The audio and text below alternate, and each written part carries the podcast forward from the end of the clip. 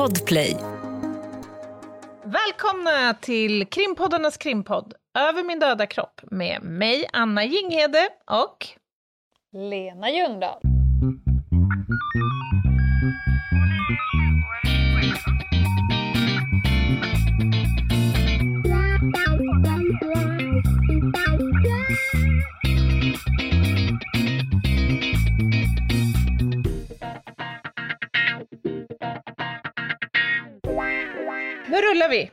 Nu rullar vi och välkomna till ett nytt avsnitt. Det är krimpoddarnas krimpodd avsnitt 109 och det är krimtorsdag. Mm. Vad händer Anna? Ja, men det som händer är ju att idag ska vi ta oss an ett eh, väldigt angeläget och spännande ämne. Mm. Kan du inte introducera våra lyssnare till själva saken, så att säga? Ja, själva saken ska introduceras så som så här, att tystnad kan bli en ganska dyr historia för en enskild person och rättssamhället och faktiskt hela jävla samhället i stort. Mm. Om personer skräms, hotas och eh, påverkas till tystnad. Och det är ju lite det här med att vi ska ju prata om hur det ser ut i, i rent juridiskt det, det, är en svår balansgång att det finns en vittnesplikt eh, samtidigt som att man ska tvingas berätta eh, det man har sett för att man är tvungen och så finns det kanske andra aktörer som försöker tysta dig och lyckas med det. Och då är frågan vad, det, vad händer med dig när du blir drabbad och vad gör det för din familj? Och kanske för då för mm. hela samhället. Så vi kommer väl gå igenom vad vi har för, vem som har rätt att tiga, vad som händer om man tiger och vilka eh, faktiskt sanktioner som finns kring det. Och, och det här startar ju i brottsofferdagen. Mm. Precis, det är så här att varje år den 22 februari så uppmärksammas då internationella brottsofferdagen. Mm. Eh, och då kan ju olika instanser ha lite olika teman för den här dagen. Eh, I år, och alltså vi gör ju det här, samar- eh, det här avsnittet i samarbete med Brottsofferjouren ska vi säga mm. direkt. Eh, I år så uppmärksammade brottsofferjourerna det här genom att eh, arrangera ett seminarium på temat en trygg vittneskultur. Mm.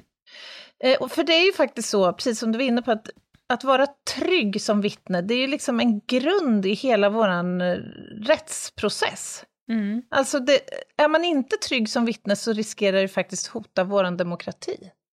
Mm. För det är viktigt.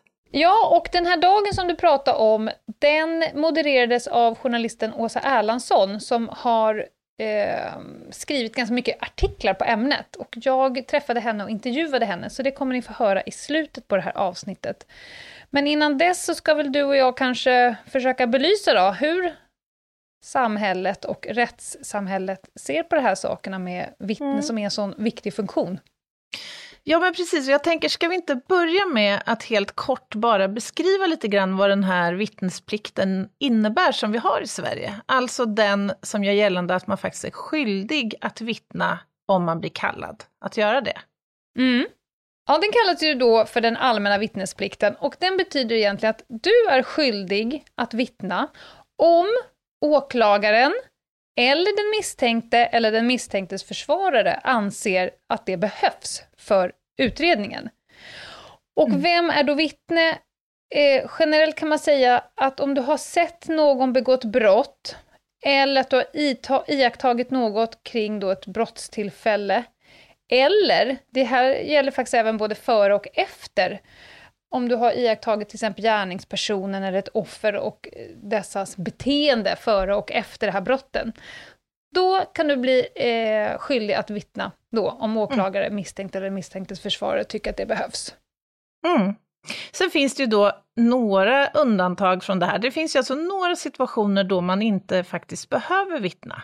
Och mm. en sån situation är om man är eh, nära släkting till den som är åtalad, om man är under 15 år eh, och om man lider av en psykisk störning.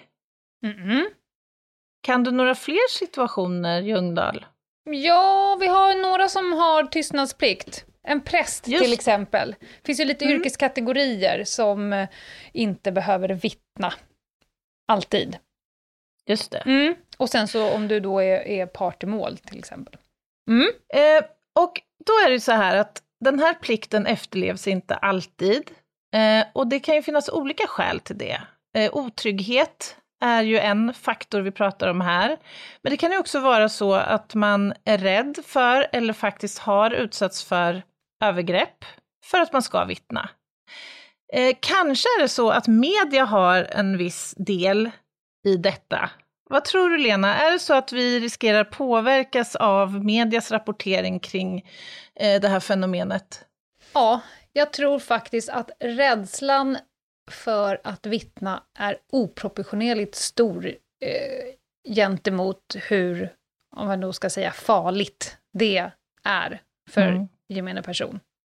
På grund mm. av att man peppras av de dåliga erfarenheter som vissa faktiskt självklart eh, drabbas av. Mm. Men eh, du har ju vittnat massa gånger, jag har vittnat massa gånger. Eh, det är ju i de allra flesta fallen inte farligt att vittna. Exakt, det är ju faktiskt inte det. Alltså förenklat kan man väl säga att de som sannolikt löper störst risk att uh, utsättas för påtryckningar eller hot och i värsta fall våld, det är vittnen som själva är inblandade i grov organiserad brottslighet. Mm. Det är den gruppen som uh, anses vara utsatt och naturligtvis unga människor överlag som är sårbara till sin liksom, natur. Ja, de, dels sårbara och sen så ska vi tänka på att gärningspersonen, om man dessutom är ungdom, vi har ju varit inne på det ämnet några gånger, att frontalloben, alltså konsekvensanalytiskt tänkande, att det mm. är nog inte skitklokt att ge mig på eh, den som ska vittna mot mig. Den impulskontrollen är ju inte riktigt på plats hos ungdomar. Den är inte riktigt, den är inte riktigt fulländad, Nej, skulle man kunna säga. Nej, den är inte finkalibrerad. och att försöka påverka rättsprocessen på det här sättet, det brukar ju vi rubricera som övergrepp, eller vi, men det rubriceras som övergrepp i rättssak. Mm. Eh, och man kan ju tänka sig att det finns ganska stora mörkertal här. Eh, just när det gäller den organiserade brottsligheten så är det sannolikt så att många av de här hoten och övergreppen faktiskt inte kommer till myndigheters eh, kännedom överhuvudtaget.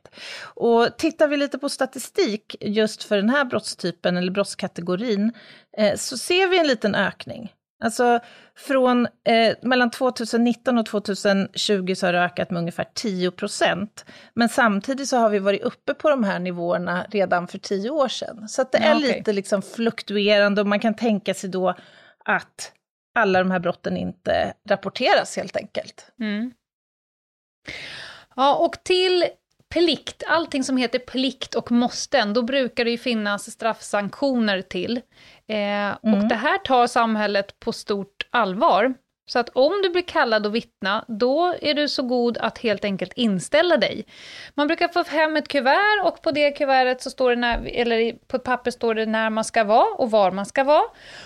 Och då får man eh, helt enkelt eh, skriva på att du har mottagit det här och så skickar du in. Eh, mm. Och om du inte dyker upp, då kommer du dels att kunna bli hämtad av polis. Mm. Du kommer eventuellt bli kallad på nytt. Du kan mm. beläggas med vite, du får helt enkelt betala pengar. Mm. Eh, du kan till och med bli häktad. Ja. Om du vägrar att vittna. Exakt, och jag tror att maxtiden för den här häktningen är tre månader, mm. rätta mig om jag har fel. Eh, det jag funderar lite grann på, det är, finns det något ytterligare att ta till efter de där tre månaderna? För saken är ju den att du kan ju oavsett aldrig tvinga någon att prata. Tumskruv och bilbatteri. nej, nej, men så är det ju. Eh, och eh, du sitter ju inte bara där och, och möglar tre månader, utan man kommer ju under tiden försöka påverka eh, dig så att du faktiskt mm. kliver in och börjar vittna. Sen finns det ju såklart en, en behov och proportionalitetsprincip som kliver in också. Ja, och vi får ju inte heller glömma bort att vittnesmål är ju en del av mm. olika saker som kan anföras eh, för en eh, domstolsprocessutgång mm. egentligen. Det är ju också så att man faktiskt kan tvingas betala rättegångskostnaderna Ja. Om liksom ens utevaro på något sätt har eh, orsakat olägenhet här för parterna i målet. Det kan ju faktiskt vara så att både åklagare och försvarare och målsägarbiträde och så vidare har dykt upp. Och om du helt enkelt inte kommer dit så kommer du inte komma den dagen dit de skulle och då kommer du få kanske pröjsa för det. Det kostar ju samhället mm. ganska stora pengar att bara sitta och vänta på folk som inte vill inställa sig. Verkligen. Mm -hmm. Men du Lena, ska vi prata lite grann om då hur man ska kunna få hjälp om man nu upplever att det här är väldigt obehagligt eller jobbigt eller om man känner sig utsatt mm. eh, inför att faktiskt inställa sig och vittna. Ska vi prata lite grann om vilken hjälp man kan få och kanske flagga för tidigare avsnitt? Mm. I avsnitt 70, det som heter Brottsoffret, där pratar vi väldigt mycket om brottsofferjourens stöd och hjälpfunktioner, inte bara till vittnen utan alla brottsdrabbade. Eh, kan du köra en snabb recap över deras fantastiska stödsystem som faktiskt finns och som skrämmande nog ganska få vet om? Mm, absolut. Eh, alltså på de flesta orter i landet så finns det det som kallas för vittnesstödsverksamhet. Och det är då eh, de lokala brottsofferjourerna som eh, hanterar den här samhällsfunktionen. Och vad är då mm. ett vittnesstöd? Jo, men det är en ideellt verksam person som då erbjuder stöd och hjälp till ett brottsoffer eller vittne då i samband med Eh, en rättegång. Eh, och det är lite missvisande det här eh, begreppet vittnesstöd, för att den här servicen och hjälpen finns för både vittnen, målsäganden och anhöriga i brottmål. Och de kan faktiskt också hjälpa till vid tvistemål eller om det finns andra liknande då, behov. En vittnesstödsperson har tystnadslöfte Eh, och de här personerna har också genomgått utbildning eh, så att man vet hur man ska hantera de här eh, situationerna. Mm. Eh, och vad är det då för hjälp man kan få av den här personen? Ja, men det är ju totalt sett att vara just ett stöd igenom hela, hela processen. Det är ju som så att om man kallas att vittna så ska man faktiskt få information om den här vittnesstödsfunktionen redan i kallelsen. Nu vet jag att det inte alltid fungerar eh, och då hoppas jag att rättsväsendet, alltså den polisiära kanske utredaren som är involverad i utredningen istället informerar och faktiskt hänvisar till brottsofferjouren eh, så att man kan få hjälp liksom i tidigt skede, för det är mm. superviktigt. Anna, det, det, är en av sakerna som jag och Åsa diskuterar i intervjun sen. Eh, för du vet att vi poliser du som är polis, jag som var polis, att man är skyldig mm. att prata med brottsoffer om vad det finns för information och stöd att få. Mm. Eh, men det finns inte redan där en skyldighet eh, att informera även vittne. Och då blir det ju sådär som, som vi har liksom märkt av under det här eh, ett och ett halvt åren snart som vi har poddat, det finns väldigt många vittnen som inte ens vet att det här finns, mm. det här stödet. Ja, och det är ju olyckligt att man inte känner till vilka eh, skyddsfunktioner som faktiskt finns. Ja, framförallt eftersom du, det är inte säkert att du vet Alltså man kan inte välja att, bli, att inte bli ett vittne. Rätt och så står du mm. på en plats där skiten slår fläkten och du hamnar mm. under kategorin vittne. Och då kommer du falla under vittnesplikt, det vill säga du får inte välja om du ska vittna eller inte, utan du ska vittna. Och då mm. är det ju mm. mumma, om nu samhället har bestämt att vi tycker att vittnena är en jätteviktig funktion, att också de vet om eh, vad som finns för att de ska bli så bra vittnen som möjligt. Det kan man ju bli lite mm. förbannad över, att det faller mellan stolarna. Jag läste någonting om förmöten. Alltså hur går själva mötesprocessen till? Ja, eh, ett så kallat förmöte innebär att vittnet då kan få komma till domstolen en tid före sin egen förhandling och då få liksom en möjlighet att förbereda sig lite grann. Mm. Eh, och det här sker då tillsammans med ett vittnesstöd som inte får diskutera själva brottet som sådant, eller liksom målets innehåll. Men däremot så kan ju det här vittnesstödet berätta och förklara lite grann hur det går till och svara då på de frågor som kan finnas. Mm. Och det här handlar ju då om att försöka förbereda vittnet så långt det är möjligt, så att säga, inför då sin egen rättegång. Vad tror du är de vanligaste frågorna? Jag tror att man, att man som vittne, säger att du har bevittnat, eh, inte vet jag, någon form av personrån eller någonting. Jag tror det är den vanligaste rädslan.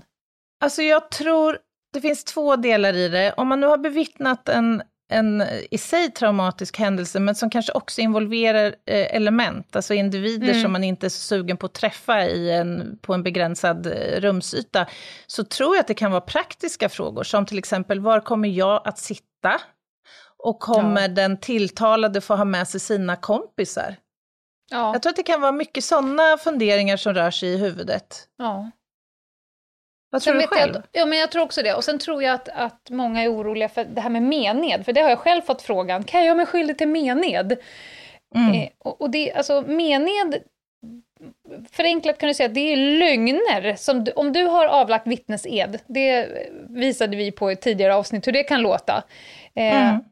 Och om du har avlagt vittnesed och då ljuger på något sätt som kan påverka målets utgång, då mm. kan du göra dig skyldig till mened och då är det direkt till fängelset som det heter i, monopol. Det är ett ganska allvarligt ja. brott. Men om du inte aktivt ljuger på någonting som påverkar utgången, då kan du vara väldigt lugn som vittne. Du har ju full... Mm. För jag tror att det är men tänk om jag inte kommer ihåg och tänk om jag kommer ihåg fel och så. Det är inte mened. Nej, verkligen Nej. inte. Vi har också eh, det här som kallas för förbokning. Eh, mm -hmm. Och det innebär att eh, vittnet då kan boka träff med sitt eh, vittnesstöd, som då möter upp personen eller vittnet innan förhandlingen startar. Eh, och då kan man få information och stöd precis i nära anslutning liksom, till, till förhandlingen. Och det här är viktigt tycker jag, att vittnesstödet också kan sitta med under själva förhandlingen om man vill det. Mm. Ja, det kan nog kännas bra. Ja, det, det tror jag. Det blir ju liksom en... Har man liksom haft hjälp i processen innan så kan jag tänka mig att det kan upplevas som väldigt skönt att ha med den här personen under själva liksom förhandlingen också. För att det kan ju vara så att man också efter har frågor som man behöver få hjälp att få mm. besvarade. Men jag tänker också om det är så att eh, den misstänkte eller den man eventuellt ska vittna emot då har sina polare där. Då blir det mm. lite show of force. Då kan jag tänka på att det är ganska skönt att ha med sig lite folk, så man inte känner sig så oerhört ja. ensam där inne i rättssalen. Ja, men det är mycket psykologi i det här, är det inte det? Mm. Alltså det, det handlar ju lite om det där, som du säger, psykologiska spelet ja. på något sätt. Även om det inte är något sånt uttryckligen så kan det kanske upplevas ja. som så. Och pratar man med eh, vittnesstödsfunktionerna så uttrycker de att de skulle ju vilja att vittnesstödet kommer in tidigare i processen. Eh, ja. För att som det är nu så möter de flesta vittnesstöd upp vittnen först på plats i domstol. Trots att man kanske hade behövt stöd och lite mer förberedande liksom, guidning tidigare. Mm. Eh, så att det är någonting som rättsväsendet kan ta, ta med sig också. Alltså, det är angeläget att få med våra vittnen på tåget helt enkelt. Mm. En sak som jag bara vill nämna som egentligen kommer in lite snett, men vi får ganska ofta frågor på Instagram, eh, vad vi tycker om kronvittnen. Och det är ju egentligen en helt annan sak än, än det här. Alltså, ja, det är det. Kronvittnessystemet, det är någonting som används till exempel i USA, Norge till viss del till exempel också. Så det mm. är att man eh, får fördelar om man lämnar ut uppgifter om andras brott och då kanske kan få straffbefrielse eller strafflindring och sådär. Mm. Eh, det här har ju varit under utredning i ett par gånger här i Sverige om vi ska ha det. Men man landar alltid att vi inte ska ha det. Dels för att det inte går att mäta hur effektivt det här egentligen är. Mm. Och dels för att det blir ju lite kall med den enskildes rättssäkerhet. Alltså, Ja. Det blir ju svårt att, att värdera bevisen. Om jag har begått brott och vet att om jag sitter nu och hittar på saker om andra människors brott så får jag mm. bättre, eller liksom, fördelar av det där. Det skulle mm. eventuellt kunna göra att jag kan hitta på vad tusan som helst för att klara mig själv. För det är en ganska stark drivkraft, att om jag plussar på där borta så kommer jag klara mig själv. Det blir svårt att värdera de bevisen i rätten, tänker jag. Ja, men absolut. Och det har ju också varit kanske den främsta invändningen i mm. debatten, att man riskerar få lögnerna liksom att mm. öka i, under en, en, förhandling. Eh, men alltså det här är ju lite en vattendelare. Ja. Det finns ju forskare i Sverige eh, som är övertygade om att kronvittnesmodellen är en effektiv metod mm. för att klara upp eh, brott. Eh, men sen är det ju det här incitamentet, alltså om vi nu pratar då den grova organiserade brottsligheten där debatten ju landar ofta, ja, eh, så är det ju så att man ofta riskerar att få långa fängelsestraff och då ökar ju kanske också intresset för att faktiskt samarbeta med polisen om andras ja. eh, brottslighet. Så det Sen är, är det väl en ganska stark eh, Förlåt, men det är en ganska stark rättsprincip vi har i Sverige, att begångna brott ska vi inte kunna förhandla bort. Alltså har du begått mm. brott så ska du inte kunna i efterhand förhandla bort dina straff. Så jag tror Nej. att det här, eh, jag tror att våra lyssnare hör nu ungefär var vi står i frågan om kronvittnen. Mm. Mm? Har vi något mer Anna, eller ska vi gå på intervju? Ja, men jag är superintresserad av att höra vad Åsa utifrån hennes perspektiv och hennes erfarenhet eh, har för synpunkter kring det här och också lite grann hur snacket gick när hon modererade då internationella brottsofferdagen i, i eh, brottsofferjourernas eh, arrangemang. Mm.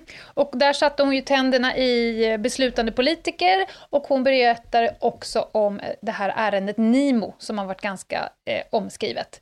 Men först mm. tror jag att vi tar en paus. Ett poddtips från Podplay. I fallen jag aldrig glömmer djupdyker Hasse Aro i arbetet bakom några av Sveriges mest uppseendeväckande brottsutredningar går vi in med hemlig telefonavlyssning och, och då upplever vi att vi får en total förändring av hans beteende. Vad är det som händer nu? Vem är det som läcker? Och så säger han att jag är kriminell, jag har varit kriminell i hela mitt liv men att mörda ett barn, där går min gräns. Nya säsongen av Fallen jag aldrig glömmer på Podplay. Ni lyssnar på krimpoddarnas krimpodd och idag så pratar vi om en trygg vittneskultur. Eh, och nu är det dags att lyssna på din intervju, Lena, med Åsa Erlandsson. Ja, här kommer den. Då sitter jag återigen på Smiles Studios och har lånat deras härliga rum. Eh, framför mig har jag Åsa Erlandsson, journalist, anställd på Dagens Nyheter, men just nu tjänstledig för ett spännande projekt som vi kommer komma till senare. Hon är för detta redaktör för tidningen Svensk Polis. Hon var moderator på Brottsofferdagen den 22 februari och vinnare av Stora Journalistpriset 2017 för boken Det som aldrig fick ske, skolattentatet i Trollhättan. Välkommen Åsa! Tack så mycket, vad roligt att vara här. Ja, och så roligt att du är med här och vi, våra vägar möttes ju faktiskt den där dagen då du vann priset. Då stod du solo. Var du tidig på jobbet eller? Varför var du där så tidigt? Det var ju en stor festlokal man skulle gå till på kvällen och jag har inget lokalsinne så jag är alltid ute en halvtimme innan ja. så jag kan vingla lite. Ja. Så jag kommer till den här tomma lokalen och där stod din kollega och där står du. Ja. Och jag börjar snacka med din kollega, för jag har inget att göra. Nej. Och så säger han, jag ska presentera dig för Lena. Och jag hinner knappt gå fram till dig förrän du säger, men Åsa, jag vet vem du är. Ja. Och den där sekunden innan jag fattar om det är bra eller dåligt. Om jag har gripit dig, tagit pissprov från dig, spanat på dig. Nej, i det här fallet var det faktiskt så, för att jag utbildade ju väldigt mycket eh, skolor i just skolattacker och skolattentat och har använt mig av din bok efter att ha frågat Norstedts om jag fick låta en speakerröst läsa in en del av första kapitlet och det sa de ja till. Men allt det här har gått förbi dig. Ja, men de hade ju inte sagt någonting till mig, så där står jag och får precis då veta av dig mm. att den här boken har kommit till användning på det sättet ja. och fått ett, ett, liv, ett längre liv på ett sätt som jag aldrig hade kunnat tro. Eh, det har ju gått några år nu men jag är fortfarande arg på Norstedts så att de inte berättar för mig. Ja, och som eh, det funkade, för jag funderade länge på hur ska jag kunna sätta en personalstyrka, en lärarkår i rätt kontext, för att det är så svårt att smyga in prat om det värsta som skulle kunna inträffa på en skola. Och då bara få eh, höra det istället, rakt ur boken från den händelsen så händer det väldigt mycket i rummet. Det avsnitt som ni läser upp mm. är ju när rektorn på Kronans skola beskriver hur han springer runt och mm. inrymmer folk mm. istället för att utrymma dem. Mm. Och på så sätt sannolikt rädda liv. Mm. Så det kommer ju väldigt nära. Ja, och, och eh, boken och det kapitlet, eller delen av det kapitlet, återkom vi till också under utbildningsdagen just när de själva reflekterar över hur vet man hur man kommer reagera, vad är rätt och vad är fel. Äh, men så roligt, och nu har våra vägar mötts igen. Vi ska in på ämnet om vittnen, eh, rättssäkerhet, eh, vittnens rädsla inför att vara en del av rättsapparaten och kanske misstänktas eh, olika sätt att eh, tysta vittnen. Du var ju moderator på brottsofferdagen den 22 februari. Ja, det var väl nu i måndags tror jag. Mm. Eh, det var ett jättekul och intressant uppdrag med ett stort allvar i botten. Mm. Eh, att få hålla den där dagen och moderera ett panelsamtal med representanter från Socialdemokraterna och Moderaterna. Mm. Och där fick man ju hålla hårt i strypkopplet. Ja. ja. för att de älskar ju att prata om gängkriminalitet, mm. eh, om skjutningar och sprängningar och alla kraftfulla åtgärder som de själva tycker som mm. de ska lägga fram. Men de allra flesta brottsoffer har ju tack och lov inte drabbats av den grova våldsbrottsligheten, utan av det som brukar kallas vardagsbrott. Mm. Inbrott, misshandel, Eh, personrån eh, som uppmärksammas nu mycket bland ungdomar, att man plockar av dem mm. mobilen eller jackan. Så det var det vi ville fokusera på, mm. eh, den, här, den typen av brottsoffer och vittnen som, som är den absolut största majoriteten. Mm. Som ibland lite slarvigt klappas ihop till mängdbrott. Mm. Ja, men där tyckte jag att du gjorde ett bra jobb, för det, ibland så tenderar de ju till att börja egentligen mer eh, säga deras fina förslag och kasta paj på varandra. Eh, men åter till ämnet. Det var en paj som började dallra i luften, men jag, jag ja. hoppade upp och fångade den ja, så gott jag kunde. Det gjorde du med bravur, ska jag säga. Eh, du hade ju en gäst med där och den gästen och det ärendet och den, eh, det som den här familjen har drabbats av säger så himla mycket om den här problematiken. Kan du berätta? Mm. Det var i fjol när jag jobbade på Svenska Dagbladet som jag kom i kontakt med ett väldigt speciellt fall som snart blev rikskänt. Mm. En 17-årig kille som jag har valt att kalla Nimo eh, bevittnade en fordonsstöld som några jämnåriga höll på med. Och Nimo är uppfostrad eh, rätt och riktigt av sin mamma, att man ska prata med polis, man ska göra sin plikt. Mm. Så han eh, filmar det här och eh, pratar också med den polispatrull som kommer. Men eh, sen dröjer det några dagar och eh, då söker de misstänkta upp Nimo på stan, hotar honom, kräver att han ska ta tillbaka sitt vittnesmål och misshandlar honom. Mm. Och där startar familjens helvete. Mm. De tvingades eh, få skyddad identitet och det gick så långt att polisen faktiskt uppmanade dem att flytta, vilket de till slut gjorde. Eh, ja. Man ska nog passa på att påpeka att det här är ett väldigt ovanligt fall. Eh, enligt Brottsofferjouren är det väldigt ovanligt att det slutar så här illa. Mm. Men i det här familjens fall så, så ehm, de, trots att de gjorde allting rätt så gick allting fel. Mm. Ja, det kan man ju bara själv eh, tänka in sig i, eller jag kan det med lätthet, om man var tvungen att byta stad, rycka upp barn, eh, flytta på sig och konstant vara rädd, med känslan av att jag gjorde det som var rätt. Mm. Det blir ju en rejäl clinch i huvudet på mm. själv. Men också viktigt som du sa, i de allra, allra flesta fall så är det ju ofarligt att vittna. Jag själv har ju vittnat massor gånger mot tungt kriminella eh, och aldrig känt mig rädd av den enkla att de, de allra flesta som begår brott vet att det är eh, att, att de begår brott och det är inte eh, varken rättsapparatens eller vittnens eller allmänhetens fel om de åker fast utan det är liksom en, en sak som man räknar med. Så de, de, de flesta eh, gångerna så är det faktiskt ofarligt att vittna. Ja, det är ju mycket snack mm. också.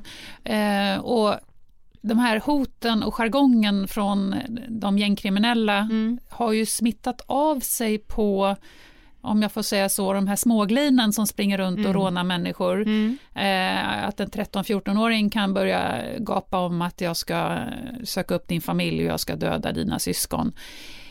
Det kan man ju intellektuellt förstå kommer inte hända. Men är man själv i ungefär samma ålder och får höra de här orden så räcker det ju med ord. Det räcker ju med att man blir rädd. Absolut, effekten är ju uppnådd i samma sekund som orden är sagda, även om det inte kommer bli någonting av det. Eh, det är också svårt att prata med drabbade som befinner sig i affekt, att försöka beskjuta det med rationellt tänkande. Det är nästan taskigt.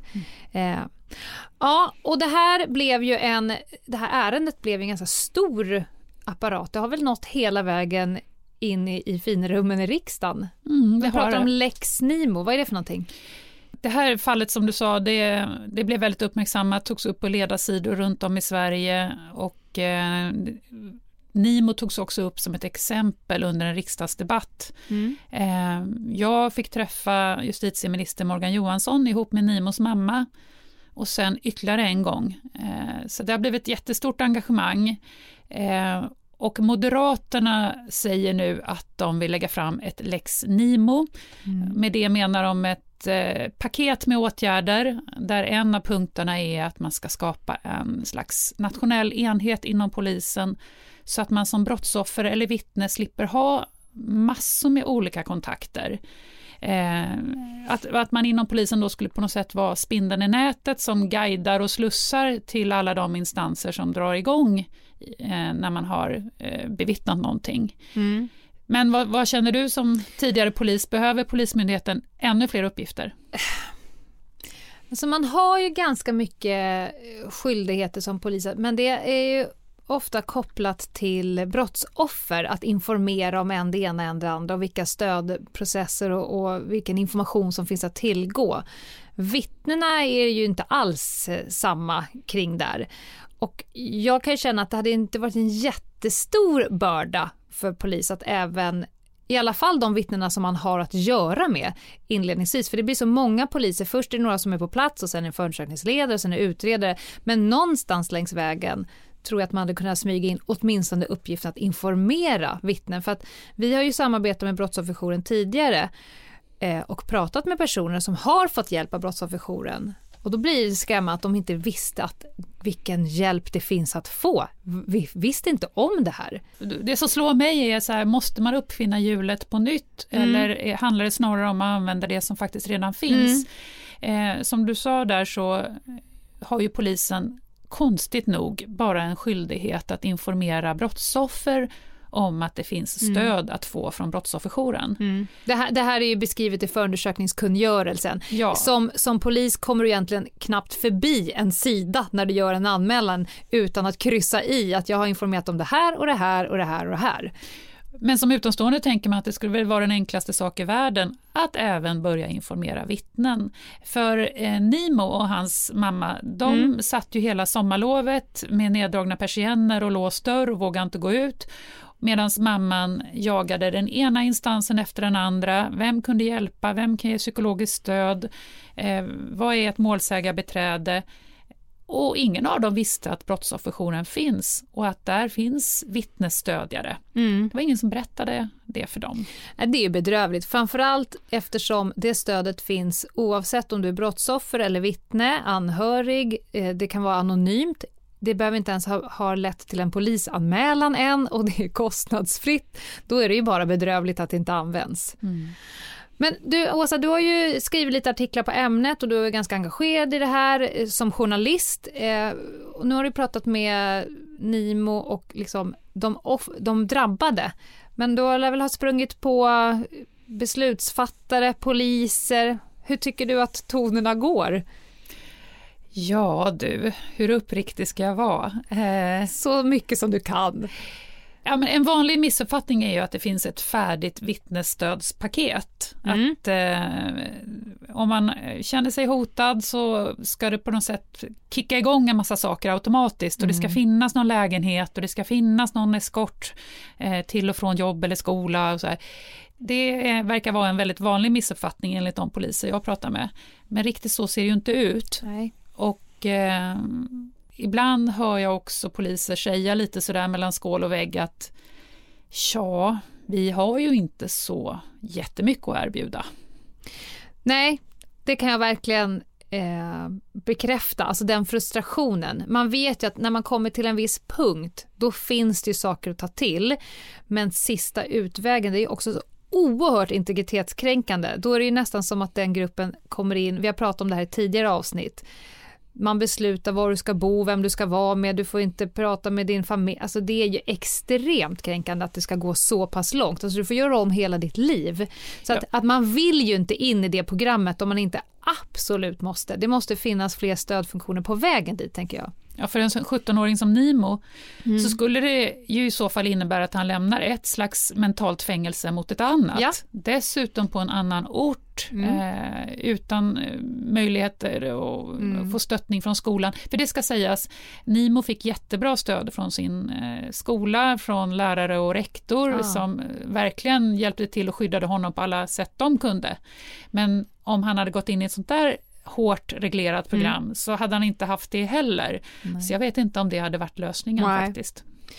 Nej, för det, för det är också en vanlig sak. Men kan inte jag få gå in i vittnesskyddsprogrammet? Bara, nej, det, vi är inte där och du vill inte det i det här. Det, så det är då man vill att det ska bryggas över med någonting annat. Och då har ju faktiskt Brottsofferjouren en hel palett av grejer de kan göra om man bara vet om att de finns.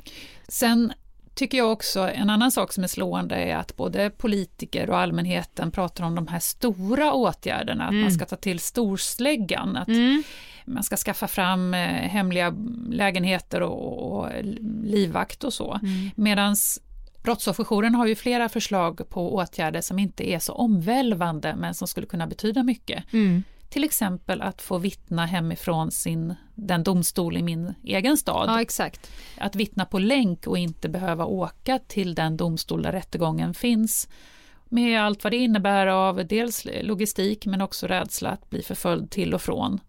Och otrygghet att vara på en plats där man inte känner sig hemma. För det tyckte jag att jag plockade ut från när jag lyssnade på Nimos mamma som du eh, hade med där och intervjuade. Eh, hon skrek ju inte efter de stora sakerna, utan det var ju rätten att eh, samhället gjorde vad de kunde för att informera, för att de skulle kunna känna sig trygga, vittna från sin hemmadomstol eller hemma, ja, men tingsrätt, eh, än att behöva flytta på sig. Ja, och en annan sak hon tog upp eh, är att hon ifrågasätter om misstänkta ska kunna få ta med mm. sitt gäng till domstolen, mm. sitt entourage med kaxiga grabbar som sitter och gör miner och gester och som man tvingas möta i pauser mm. som en ren maktdemonstration. Ja, ja. Nimos mamma menar på att det räcker inte att den misstänkte och dennes försvarare kommer. Mm. Eh, det är också en sån där åtgärd som hon efterlyser och det intressanta är att när Nimos mamma pratar om en lex Nimo, då är det just de här små åtgärderna ja. hon menar. Medan Moderaterna fyller det begreppet med ja, något exakt. annat. De har tagit namnet men, men stoppar in en annan agenda i det. Ja. Och då skjuter de hårt mot den organiserade eh, och grova kriminaliteten och gängkriminaliteten. Mm. Det, det, låter ju så i deras förslag som att de tar ett större grepp kring det än vad det var hon egentligen efterfrågade. Eh, det här med, och när vi ändå är inne på politikernas förslag, eh, anonyma vittnen, hårdare straff, längre straff. Är det rätt väg att gå? Du som har skrivit lite artiklar och pratat med många som är involverade i det här. Anonyma vittnen låter ju väldigt frestande mm. vid en första anblick. Tänk att få berätta vad man vet utan risk för repressalier. Mm. Men det som brukar föras fram av kritikerna är ju att våra grannländer som har det här, mm. Där används det nästan aldrig. Det finns ytterst få eh, konkreta fall där anonyma vittnen har kommit till användning. Mm. Eh, just därför att det blir så svårt med rättssäkerheten ja. eh, och det här vittnesmålet får så himla mycket lägre bevisvärde. Mm. Varför ska man tro på, på det här ja. när personen inte står för det? Så att den kritik som automatiskt kommer så fort anonyma vittnen läggs fram, det är att det är ett verktyg som knappt går att använda och som urholkar mm. bevisvärdet. Jag hamnade i en sån här diskussion häromkvällen bara med vänner och då sa jag att när du själv är ett hotad vittne, då, då, tycker du förmodligen att det är en fantastiskt bra lösning att du skulle kunna få vittna anonymt. Men om du själv skulle vara misstänkt för någonting eh, som du själv tycker att du inte har gjort, så, det, så kommer du tycka sämre om att det sitter en Molgan på andra sidan och vittnar emot dig, men du vet inte vem det är. Eller du anar att det är ju din eh, tidigare affärspartner ja, som är nemesis. Eh, som förskingrade ja. pengar och ja. som eh, vill hämnas eller, till, eller ditt, ditt ex nya mm. partner eller vem det nu kan vara. Det, det, det, det, här sätter ju fingret på problematiken när man inte vet vem det är. Mm. Eh, för då kan man ju genast börja ana att det finns ett personligt hämndmotiv i bakgrunden. Mm.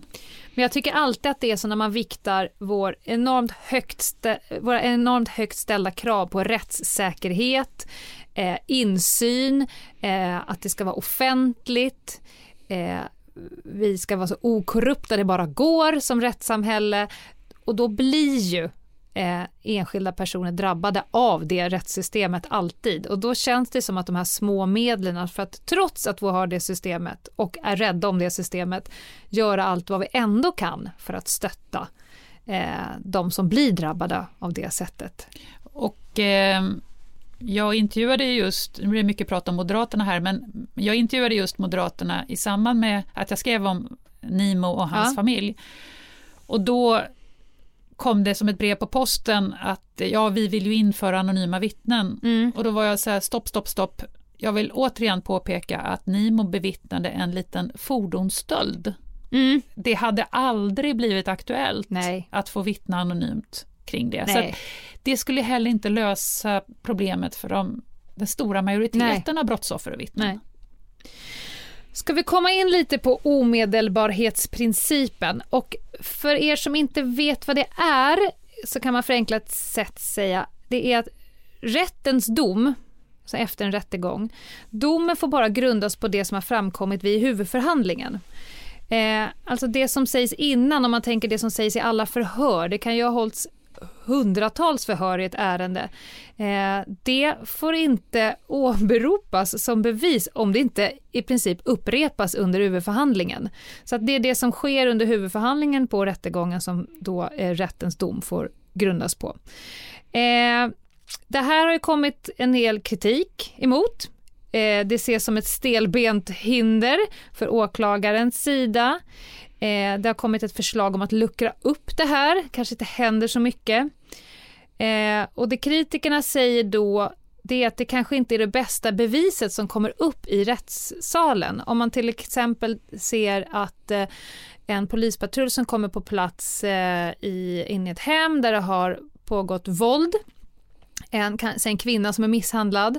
De har snabbt och direkt efter platsen hållit ett förhör med kvinnan, kanske videoinspelat eh, att det skulle vara ett bättre bevis än det som sägs efter nio månader i en rättssal. Och då får man inte åberopa det om det inte upprepas i rättssalen. Och det här skulle då i förlängningen bidra till en tystnadskultur. Och eh, misstänkta kan egentligen vänta med att de kan hålla käften genom hela eh, utredningen fram tills de får ta del av förundersökningen och sen kan de lägga sin story ut efter de bevis och teknisk bevisning och förhör som finns. Eh, har du kommit i kontakt med det här i alla dina intervjuer och artiklar? Ja, då, många gånger. Ja. Omedelbarhetsprincipen är väldigt gammal och kommer från en tid när det inte alls fanns samma tekniska möjligheter som idag att dokumentera förhör. Idag Nej. kan du ju eh, videofilma och, och, dokumentera på alla sätt och vis mm. eh, förhören. Men vi har kvar den här principen som i korthet går ut på att domstolen ska bara döma på det som framkommer under rättegången. Mm. Och då menar kritikerna att det här, eh, in det här principen också innebär att eh, misstänkta kan få skäl att hota vittnen. Ofta går det ganska lång tid från polisanmälan till rättegång. Mm. Och då öppnas ett fönster att eh, jaga efter vittnen och hota dem att ta tillbaka det de tänker säga och, och så vidare. Och eh, en kritiker heter Paulina Brandberg, hon är åklagare och hon eh, har sagt att att ta bort omedelbarhetsprincipen är en av de viktigaste åtgärderna för att komma till eh, rätta med hot mot vittnen. Mm. Sen möts ju det också av kritik såklart. Ja. Och det, du har ju mött advokater som slår bakut vid tanken på, på detta. Ja, av den enkla att de eh, företräder ju för, eh, klienterna, de misstänkta. Eh, så de tycker att det är utmärkt att man kan få sitta still och hålla tyst fram till man vet vad polisen har att komma med och sen lägga sin story utefter den. Eh, och det är en ganska stark rättsprincip som vi också ska vara rädda om, alltså att misstänktas rätt att få försvara sig själv. Det hade också varit ett väldigt konstigt system om man som misstänkt var tvungen att säga saker som kan, som kan drabba mig själv. Det, det går emot ganska mycket av våra grundlagar. Eh, men eh, det är såklart att, att advokater är, rädda om den här principen. Det är en av deras eh, bästa eh, vapen det är lätt att förstå dem som menar att de tidiga förhören är viktiga. Mm. Eh, till och med en eh, ärrad gängkriminell som är van vid att sitta i månader efteråt och säga inga kommentarer. Till och med en sån person kan i affekt och i stundens hetta Jajamän. direkt efter brottet eh, kasta ur sig saker och, och, faktiskt säga vem som sköt eller vem som var mm. inblandad.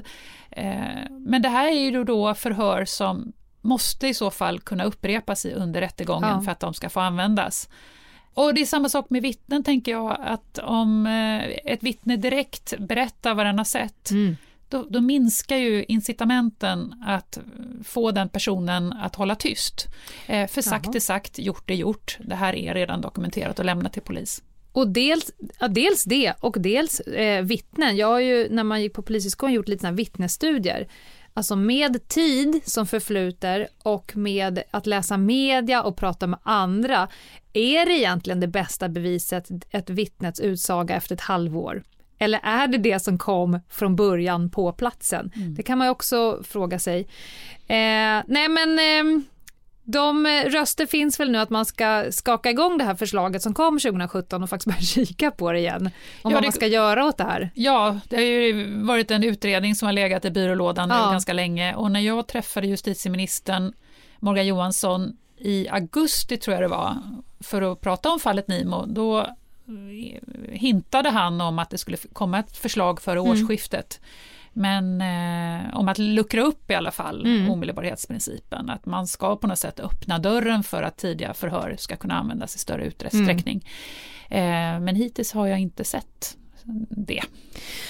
Nej, och jag, jag, kan förstå de kritiska rösterna, men om man ser till det stora eh, samhällsvinsten Eh, och både för rättssäkerheten men också den stora samhällsvinsten. Som polis kan man bli oerhört frustrerad när, när det ändras och ändras och ändras i olika utsagor ut efter att bevisen läggs fram. Det, för, det förstår jag, men det tar ju sån det känns nästan ibland som att man har alla de här första förhören helt i onödan, för de gills ju ändå inte, utan det är i rättssalen som, som det gills. Mm. Eh, och det kan vara frustrerande, framförallt sådana här offer som har blivit hotade och, hotade och skrämda.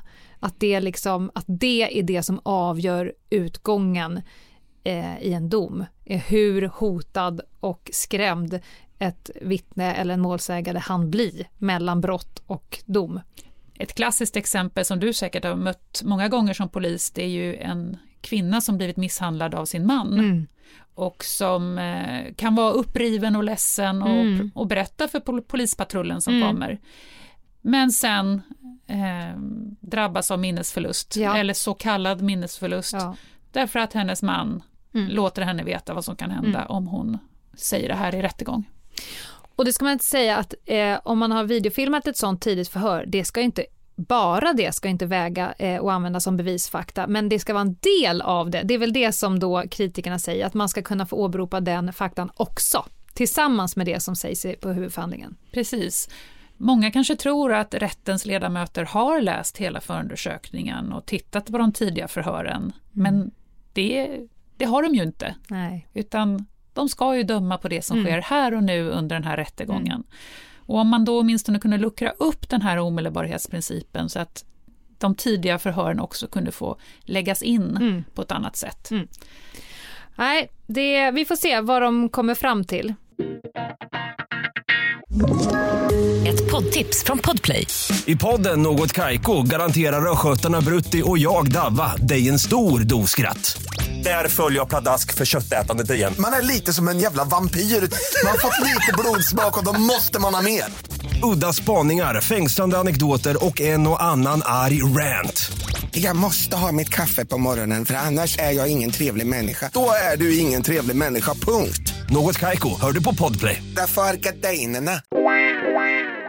Jaha, eh, på sidan av lagförslag och eh, utredningar och så vidare. Sen har vi fler saker som kommer in och påverkar eh, brottsoffer och vittnen. Eh, sekretessen, eller som vi poliser gärna vill kalla den, den eviga huvudvärken. Vad Verk säger du? Ja men verkligen. Det är helt fascinerande. Sekretessmurarna mellan olika myndigheter kommer upp år ut och år in mm. i olika sammanhang. Och alla säger sig vilja riva dem, ja. men inte så mycket sker.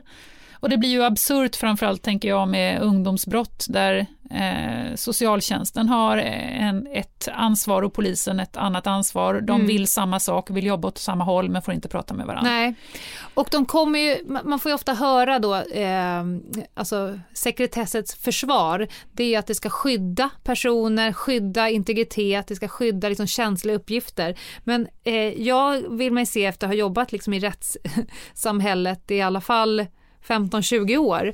Vad fan, det skälper ju bara. Det, är för att det gör ju så att man inte kan hjälpa lika smidigt, billigt, snabbt eh, och korrekt. Och det blir ett fokus på den misstänktas eh, integritet ja, som ska skyddas. Eh, istället för att kanske vara beredd att rucka en del på den mm. för att kunna skydda brottsoffret och mm. vittnenas integritet. Mm. En annan fråga som kommer in här är ju också att en stor del av socialtjänstens insatser gentemot unga kriminella mm. bygger på frivillighet. Ja. Men vad gör man då om man har föräldrar som eh, förnekar att det är inga problem med min son, det är problem med samhället mm. eh, eller skolan eller vem det kan vara eller om föräldrarna själva är kriminella. Mm. Då finns det inte så mycket frivillighet och då, det, då kan socialtjänsten stå med famnen öppen mm. Eh, och alla insatser i världen, men man kommer ingen vart. Det är en frustration att de som mest behöver eh, socialtjänsten paket och att de kliver in, det är de som eh, faller utanför på grund av att de inte vill Alltså vill du och är en öppen familj som tar emot, ja då kanske inte problemet är där från början. Mm. Mm. Någon, min favoritklyscha som journalist, eller favoritklyscha, det är ju tvärtom. Eh, den klyscha jag eh, är mest trött på, det är när vi journalister sträcker fram mikrofonen och frågar, är det här ett misslyckande för samhället? När det har skett en skjutning eller någonting annat. Mm.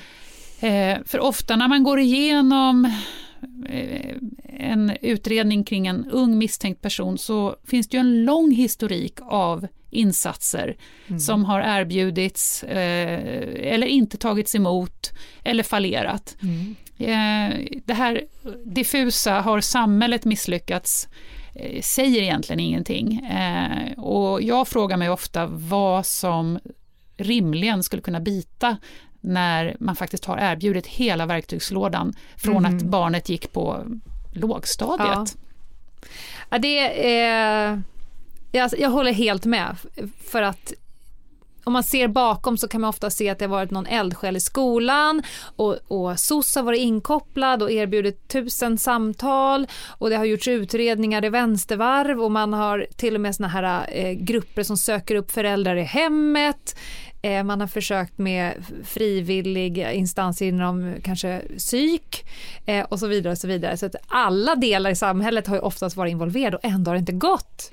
Ja, och då, då blir det lite slängigt tycker jag och, och, och, och påstå att samhället har misslyckats. Ja, på ett sätt är det ett misslyckande, ja. men vad skulle man rimligtvis kunna göra? Ja. Jag tittade på ett eh, annat fall som påminde om fallet Nimo mm. och där uttalade sig eh, den misstänkta killens föräldrar med total uppgivenhet. Mm. Att eh, vi har tappat kontrollen, vi, vi, vi når inte honom, vi vet inte vad vi ska göra. Och det slutade med att han placerades i ett sånt här HVB-hem. Mm. Och där hade det erbjudits alla tänkbara åtgärder och för mig nya åtgärder, det var ett helt paket eh, mm. under så många år. Så eh, ja, jag frågar mig om eh, om vi kanske erbjuder fel insatser eller vad, vad det kan vara eh, när det faktiskt inte går att nå fram. Och har man inte stöd som ung person hemifrån, hemma från mamma och pappa, mm. då, då är det svårt för samhället att nå fram. Ja, det håller jag med om, för det spelar ingen roll hur mycket eh, tänkbara lösningar man skickar på en person som antingen inte vill själv eller där man har familjen som motpart mm. eh, i försök, någon form av milda eh, påtryckningsförsök från samhället. Det här kan ju låta provocerande, ja. men ibland undrar jag om det faktiskt är ett misslyckande för mamma och pappa. Mm. Ja, håller med, helt enig. Eh, vad ligger i röret då? Finns det något förslag, någonting som du vill eh, lyfta? Ja, en eh, förändring som faktiskt har skett och som är konkret är att det finns en ny påföljd sedan årsskiftet som heter husarrest som man ska kunna utdöma då till unga lagöverträdare. Mm. Och det innebär att man får en fotboja och inte får röra sig hur som helst på kvällar och helger. Och det kan ju i bästa fall, om det fungerar, eh, minska trycket på människor som Nimo som mm. satt inne i sin, sin och hans mammas lägenhet och hörde mopederna mm. snurra runt omkring. Ja, ja, och det är ju när de misstänkta liksom ja. hela tiden häckade där. Och det är ju ett förslag eh, eller det är ju en, en åtgärd som helt fokuserar på att skydda den som skyddas skall. Alltså det är inte en åtgärd man tror på något sätt kommer hjälpa personen som sitter i husarrest utan det är egentligen för att skydda eh, samhället från den personen. Mm. Du ska vara inne i huset eller eh, i, på liksom bestämda platser så att vi har koll på dig utan att sitta inne i finkan helt enkelt. Men om man vänder och vrider på det också, vilket eh, vi alltid gör, vi mm. journalister, så ser jag framför mig att den här 15-åringen eh, med fotboja kanske skiter i det bara mm. och ger sig iväg för att hota upp någon i alla fall. Absolut. Vilken responstid tror du polisen har på ett sånt larm? Pass på kungen. Nej men det vet man inte. Det kan ju vara, det beror på tur, eh, närmsta patrull, prioriteringsordningar och så ja. vidare. Mm. Nej, jag menar inte att måla fan på väggen. I grunden låter mm. det ju som ett, ett eh, konstruktivt ja. förslag, eh, eller förslag, det har ju redan drivits igenom. Och i, i den bästa av världar så, så kommer det få effekt. Ja. Det ska bli spännande att följa utvecklingen. Sen är det mycket annat i pipeline. Eh, det finns politiska förslag om allt från att sänka åldern från mm. när man är straffmyndig till att ta ett krafttag och göra om socialtjänsten så att de ska kunna gripa in mycket mer med tvång. Mm. Eh, det finns en politisk enighet om att eh, öka straffet för det som kallas övergrepp i rättssak, ja. alltså när man ger sig på brottsoffer och vittnen. Mm. Det är klart man ska öka straffen för det, men där är jag lite skeptisk för att är du kriminell och har ingen eller låg impulskontroll så mm. kanske du inte bryr dig om ett sånt straff heller. Sådana har jag sprungit på många gånger som inte har någon impulskontroll men framförallt har de inget att förlora. Mm. De skiter i vilket. Alltså för dig och mig så skulle det bli jättebesvärligt om vi skulle få allt från en prick i registret till eh, avtjäna en månads fängelse. Men för många är det absolut en skitsak i det stora hela. Ja, de är ju därför de begår brott. Ja. Eh, de verkar inte vara så rädda för straffen Nej. och då kanske inte de funderar så mycket på Nej. straffet övergrepp i rättssak. Men det kan vara en stark signal ja, om att det är väldigt allvarligt att ge sig på mm. den som vittnar. Det är, en, det är en signal för alla andra och till syvende och sist eh, om du får straff, när du avtjänar ditt straff, om du sitter inlåst, under den tiden kommer du i alla fall inte begå några brott. Sen eh, har det varit projekt runt om i Sverige eh, som riktar sig mot ungdomar, mm. Våga vittna-projekt. Mm. Och nu pratar vi igen om så här små, mjuka, lite vardagliga åtgärder, men där har det visat sig att om man informerar ungdomar om rättsprocessen och förklarar vad, vad en rättsprocess mm. är och varför det är viktigt att vittna, mm. och dessutom diskuterar attityder, machoattityder mm. och inga kommentarer, snack och snuthat och sånt, mm så kan man faktiskt komma framåt och att det har visat sig efter sådana ungdomsprojekt att man lyckas förändra en del attityder och ta bort myter och rädslor mm. och eh, föreställningar man har som inte stämmer. Ja, det kan jag säga, för jag har själv varit eh, en sån person. Att jag har fått eh, uppgift från skolor att nu har det skitit sig här i vår skola. Det är en sån golare, har inga polare kultur och det är dickpics oh. och det är allt möjligt. Så då har de ju tagit ganska drastisk åtgärd och det betyder att de trycker in varenda unge i aulan och sen ställer de en skitsur Lena på scenen som beskriver egentligen eh, brott och straff, när man blir straffmyndig, vad som händer, vad som inte händer, eh, att eh, gola är det finaste man kan göra om man har blivit drabbad för brott och så vidare. Och jag har fått direkt feedback efteråt mm. att de här, eh, men, att när man har både gärningspersoner och offer framför sig, det finns en liten gisslansituation i att alla har hört samma sak i det här rummet. Det är ingen som kan hävda någonting annat. Eh, och då har man då sett efteråt att ja, men de här eh, tre, fyra tjejerna som var så drabbade, att de faktiskt direkt går fram till Berit i biblioteket och säger att de har blivit drabbade, att det liksom inte är något fult för att nu har alla hört att de ska göra det. Mm. Eh, det är direkt feedback och det känns ju bra. Kunskap på tidig nivå är jag och Anna varma förespråkare för. Ja men verkligen. Det är jättefokus på reaktiva åtgärder ja. idag. Mm. Ja men till exempel längre straff, men då har det ju redan skitit sig. Ja. Då har personen redan fuckat upp. Mm. Eh, så jag håller verkligen med. Eh, ganska, och så tänker jag kring ganska mycket ja. av det som snurrar i nyheterna idag. Att, eh, och få jobba från båda håll samtidigt. Ja. Mm. Men du Åsa, för dig då? Eh, jag nämnde inledningsvis att du var tjänstledig från Dagens Nyheter nu för ett spännande projekt. Vad är det du gör? Jag skriver en dokumentärbok om terroristattentatet på Drottninggatan som skedde den 7 april 2017. Mm. Rakhmat Akilov stal ju en lastbil som vägde nästan 13 ton och eh, körde i hög fart nerför den här gågatan där tusentals mm. personer befann sig.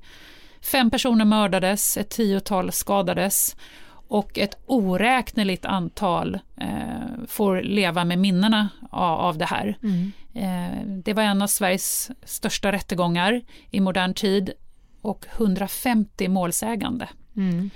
Så det är eh, väldigt, eh, det är en ynnest att få ta sig an det här och mm. Eh, jag träffar väldigt många människor nu.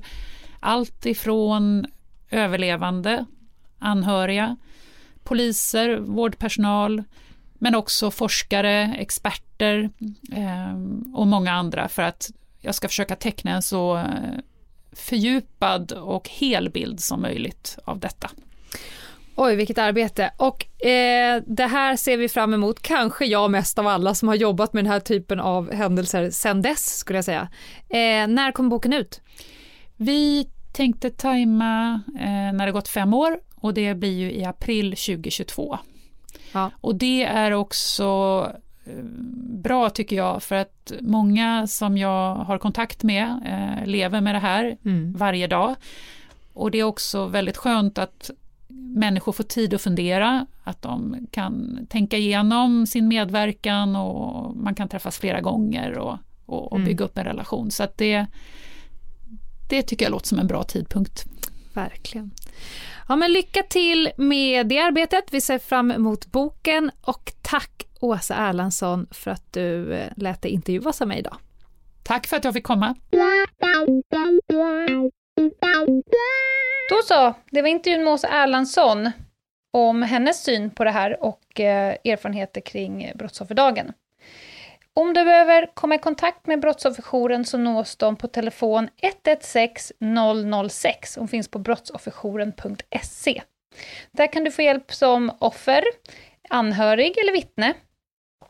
Du kan vara helt anonym och det är kostnadsfritt för alla. De har tystnadslöfte och det krävs ingen polisanmälan för att få deras hjälp. Och det finns hjälp att få på många olika språk. Så kontakta Brottsofferjouren och se om de har någonting som du behöver. Bra! Då tror jag att vi lämnar det. Och Anna, nu eh, tror jag att vi alla behöver eh, eh, det, det, blir lite, man blir lite dystopisk och lite deppig. Eh, liksom, att, det här, att det är så här.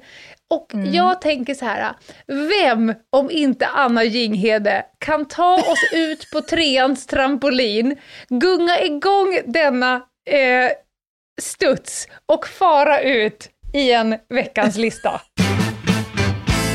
Annas jätte, jätteviktiga lista. Ja men tack eh, Lena, vilken härlig eh, påa du gjorde där.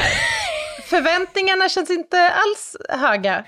Ska vi till djurriket eller ska vi till döden? Ja, men hur det än är, när jag får, när det är min tur att dra en lista så landar jag på något sätt i genren, i, i grön plupp i TP. Mm. Natur. Jag mm. hamnar där. Hur det än är.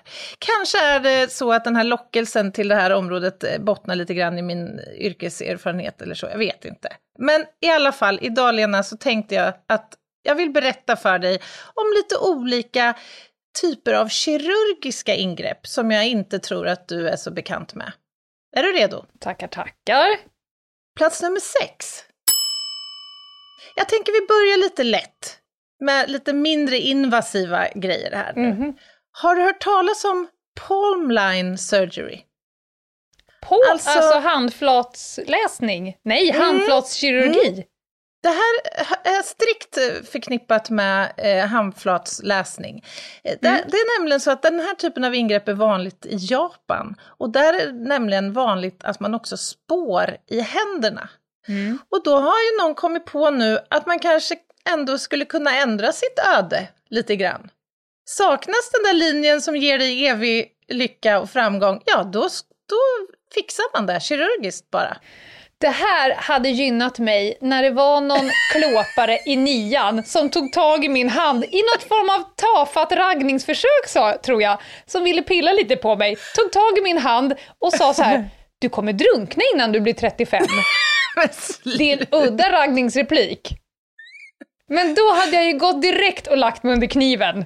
Vad hade du velat addera för linje då? då? Jag hade flytväst på mig linjen, eller? Exakt! Mitch Buchanan kom springande. Underbart. Ja. Okej, plats nummer fem. Poker Talks. Vi snackar här botox, vi snackar professionella pokerspelare. Mm -hmm. Det här handlar alltså om att vanställa ditt ansikte för att förändra ditt poker.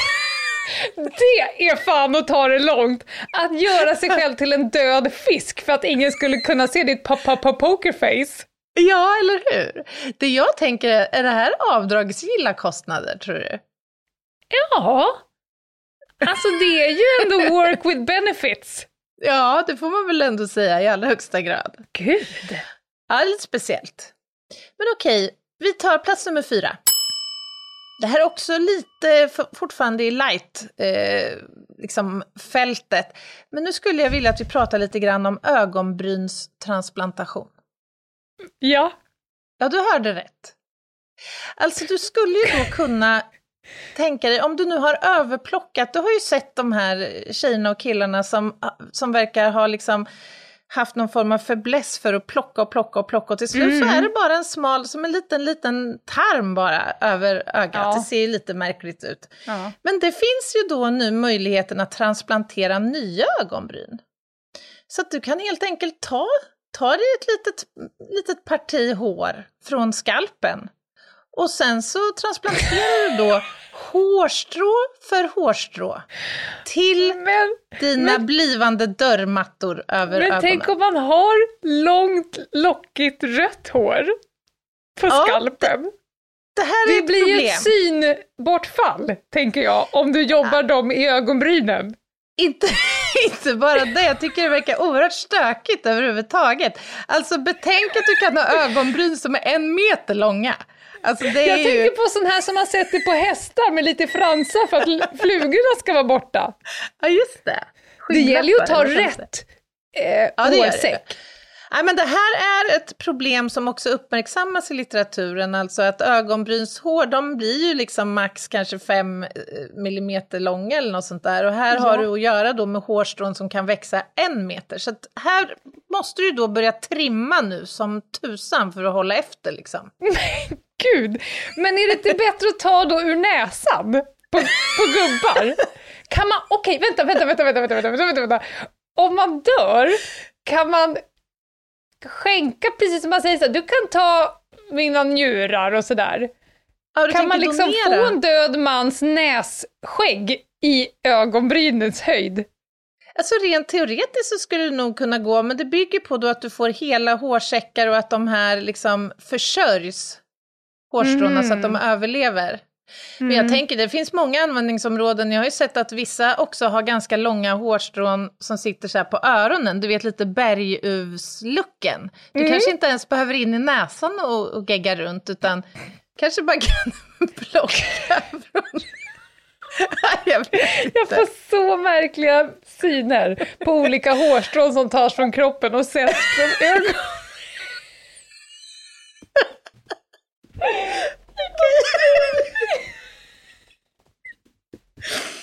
Oh, okay.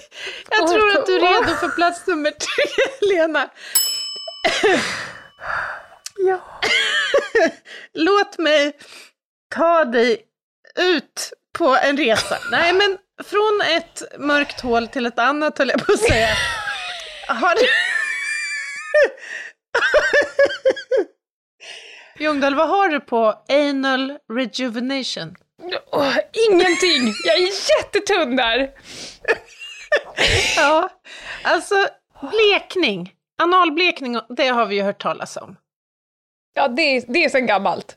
Ja, det är sen gammalt. Men nu kan man alltså ta det här ett litet, litet steg längre. Mm. Det är nämligen så att du kan få ett helt nytt utseende på din analsvinkter.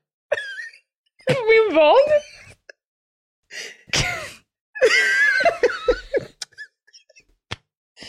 oh. Jag hör inte ens vad du säger. Okej, vi får ta om det. Uh. Lena, har du någon gång kanske funderat...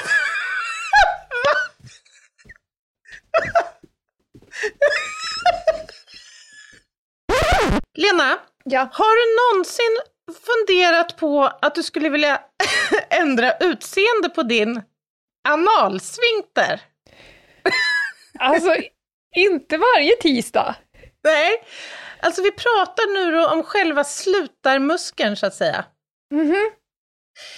Det finns alltså människor som är oerhört besvärade av rynkorna. Okej, okay. Men det känns som alltså... ett problematiskt område att jobba botox. Ja, där, men det här kan man alltså kirurgiskt åtgärda. Man tar helt enkelt då bort huden runt om, liksom, för att få bort själva rynksituationen. Men alltså, det är sånt här, exakt sånt här som får mig att fundera på hur fan Homo sapiens har överlevt som ja. Återigen, tänker... kan du se två gnu på savannen som säger så här, när jag känner mig lite eh, eh, rynkig in the back, så att säga. Ja, jag har tänkt på det. Du skulle verkligen behöva åtgärda det där. Det är bara men... människan som kan komma på sån dumhet. Jag tänker ju också så här att varje del på vår kropp finns ju där av en anledning. Alltså ja. de fyller ju någon form av funktion. Och jag mm. tänker att de där rynkorna kanske bidrar på något vis. Mm. Ja. Oh, plats nummer två, Lena. Alltså nu har jag buntat ihop några här inom fältet för rekonstruktiv kirurgi och även transplantationskirurgi. Mm. Känner du till begreppet autotransplantat? Nej. Eller autotransplantation? Det är alltså när du tar en struktur på din egen kropp och placerar någon annanstans. Mm. Och det här är ju då principer som man har tvingats eh, utforska i, i olika liksom, grenar av medicinen. Det kan handla om att man har blivit brännskadad eller mm. eh, cancerkirurgin eller sådär. Och det, jag tycker mm. det, det här har något alltså. Du kanske är nyfiken på munhålan, vad den har att bjuda på? Ja, alltså mm, cancer nej. är ovanligt... Nej. Nej. nej, du inte... Nej. Väldigt okay, sällan. Du, du, får information. Jag kan få mardrömmar av, av bilder som du har skickat till mig när jag ska ja. sova. Allt, det är alltid munhålan som är jobbigast. Men tänk om du skulle drabbas av någon, du kanske har någon medfödd defekt eller i värsta fall någon tumörväxt i munhålan mm. som har gjort att man har tvingats att ta bort mycket av tungan och munbotten och sådär. Mm. Då kan du till exempel ta en del av din bröstmuskel och fälla upp en så kallad pectoralis lambeau. Det följer ju med hårsäckar och allt möjligt naturligtvis. Det är lite stökigt då. Men du får alltså en helt ny munbotten. Du kan få liksom delar av tungan och sådär återställt. Med hår helt... på? Ja, naturligtvis. Nej, men då är jag fan hellre tungfri. Nej, visste du att man kan ta en tå då för att göra en tumme av? Hade du sagt tunga, då hade jag spytt rätt ut. rätt ut! Nej, men det här tycker jag har något. Jag tycker det är oerhört fascinerande. Nej, det är inte det, Anna. Okej, vi tar plats nummer ett då. Ja. Och nu, Lena, äntligen får jag prata om det här på bästa sändningstid. Jag pratar nu om den så kallade osseoodontokeratoprotesen. Ja, nu är vi i tänderna igen. Tand i öga-proceduren. Det är så äcklig den bilden! Oh. Nej, nej, nej, nej. Alltså det här är ju då en lite, mer, lite mer extrem form av då autotransplantation. Mm. Vi, betänk nu att du är blind av mm. någon anledning. Och sen kommer en doktor till dig en dag och säger, om vi tar en hörntand eller en premolar med lite ben runt om, och sen planterar vi in den i din kind, så får du ha den där i kanske tre, fyra månader så att det växer in massa göttiga blodkärl och fina mm. celler i den här strukturen. Mm. Sen tar vi ut tanden och så sätter vi in en plastlins i den. Och så sätter vi in hela paketet i ögat med slemhinna och allt. Och sen kan du se. Alltså det här är så beyond äckligt. Du ser att jag sitter och försöker trycka in mina ögon så att de gärna ska äckligt. lossna. Det här är ju helt fantastiskt. Nej, Anna, det är inte det. Det är bara jo. äckligt. Och varför äckligt är för att du har ju skickat en bild på det här till mig. Och jag har aldrig sett en äckligare bild i hela mitt liv. Och då har jag alltså, ganska bisarra googlingar. Jag kan säga så att sen jag stötte på fenomenet någon obskyr tv-tid och tv-program någon natt, så har jag läst mm. allt man kan om det här. Jag har tömt vet, de vetenskapliga databaserna. Ja, du kan lägga upp det här på vårt Insta, men det ska fan i mig försiggås av en varningstext. För det finns ja. ju en och annan människa som inte är så sjuk i huvudet som du är. Ja, det har du faktiskt rätt i. Jag får tänka till där. Det kanske skiter i det där då. Oh, ja, det var veckans lista, Lena. Jag hoppas att du lärde dig något nytt. Mm. Man kan ha tå i munnen, hår i gommen och tandjävel i ögat. Och en och slät ringmuskel. Jag är så lycklig för den här kunskapen. Apropå det, in på vårt Instagram, Ljungdahl och Ginghede. Där kommer det förmodligen dyka upp ett och annat äckel här framöver. Och för er som behöver terapeutisk hjälp så är det Ljungdahl och Ginghede gmail.com. vi hörs på liven på lördag. Då debriefar vi smågrupper. Ha det gott! Bye! Bye! Poddtips från Podplay. I podden Något Kaiko garanterar östgötarna Brutti och jag, Davva, dig en stor dos skratt. Där följer jag pladask för köttätandet igen. Man är lite som en jävla vampyr. Man har fått lite blodsmak och då måste man ha mer. Udda spaningar, fängslande anekdoter och en och annan arg rant. Jag måste ha mitt kaffe på morgonen för annars är jag ingen trevlig människa. Då är du ingen trevlig människa, punkt. Något kajko, hör du på podplay. Därför är gardinerna.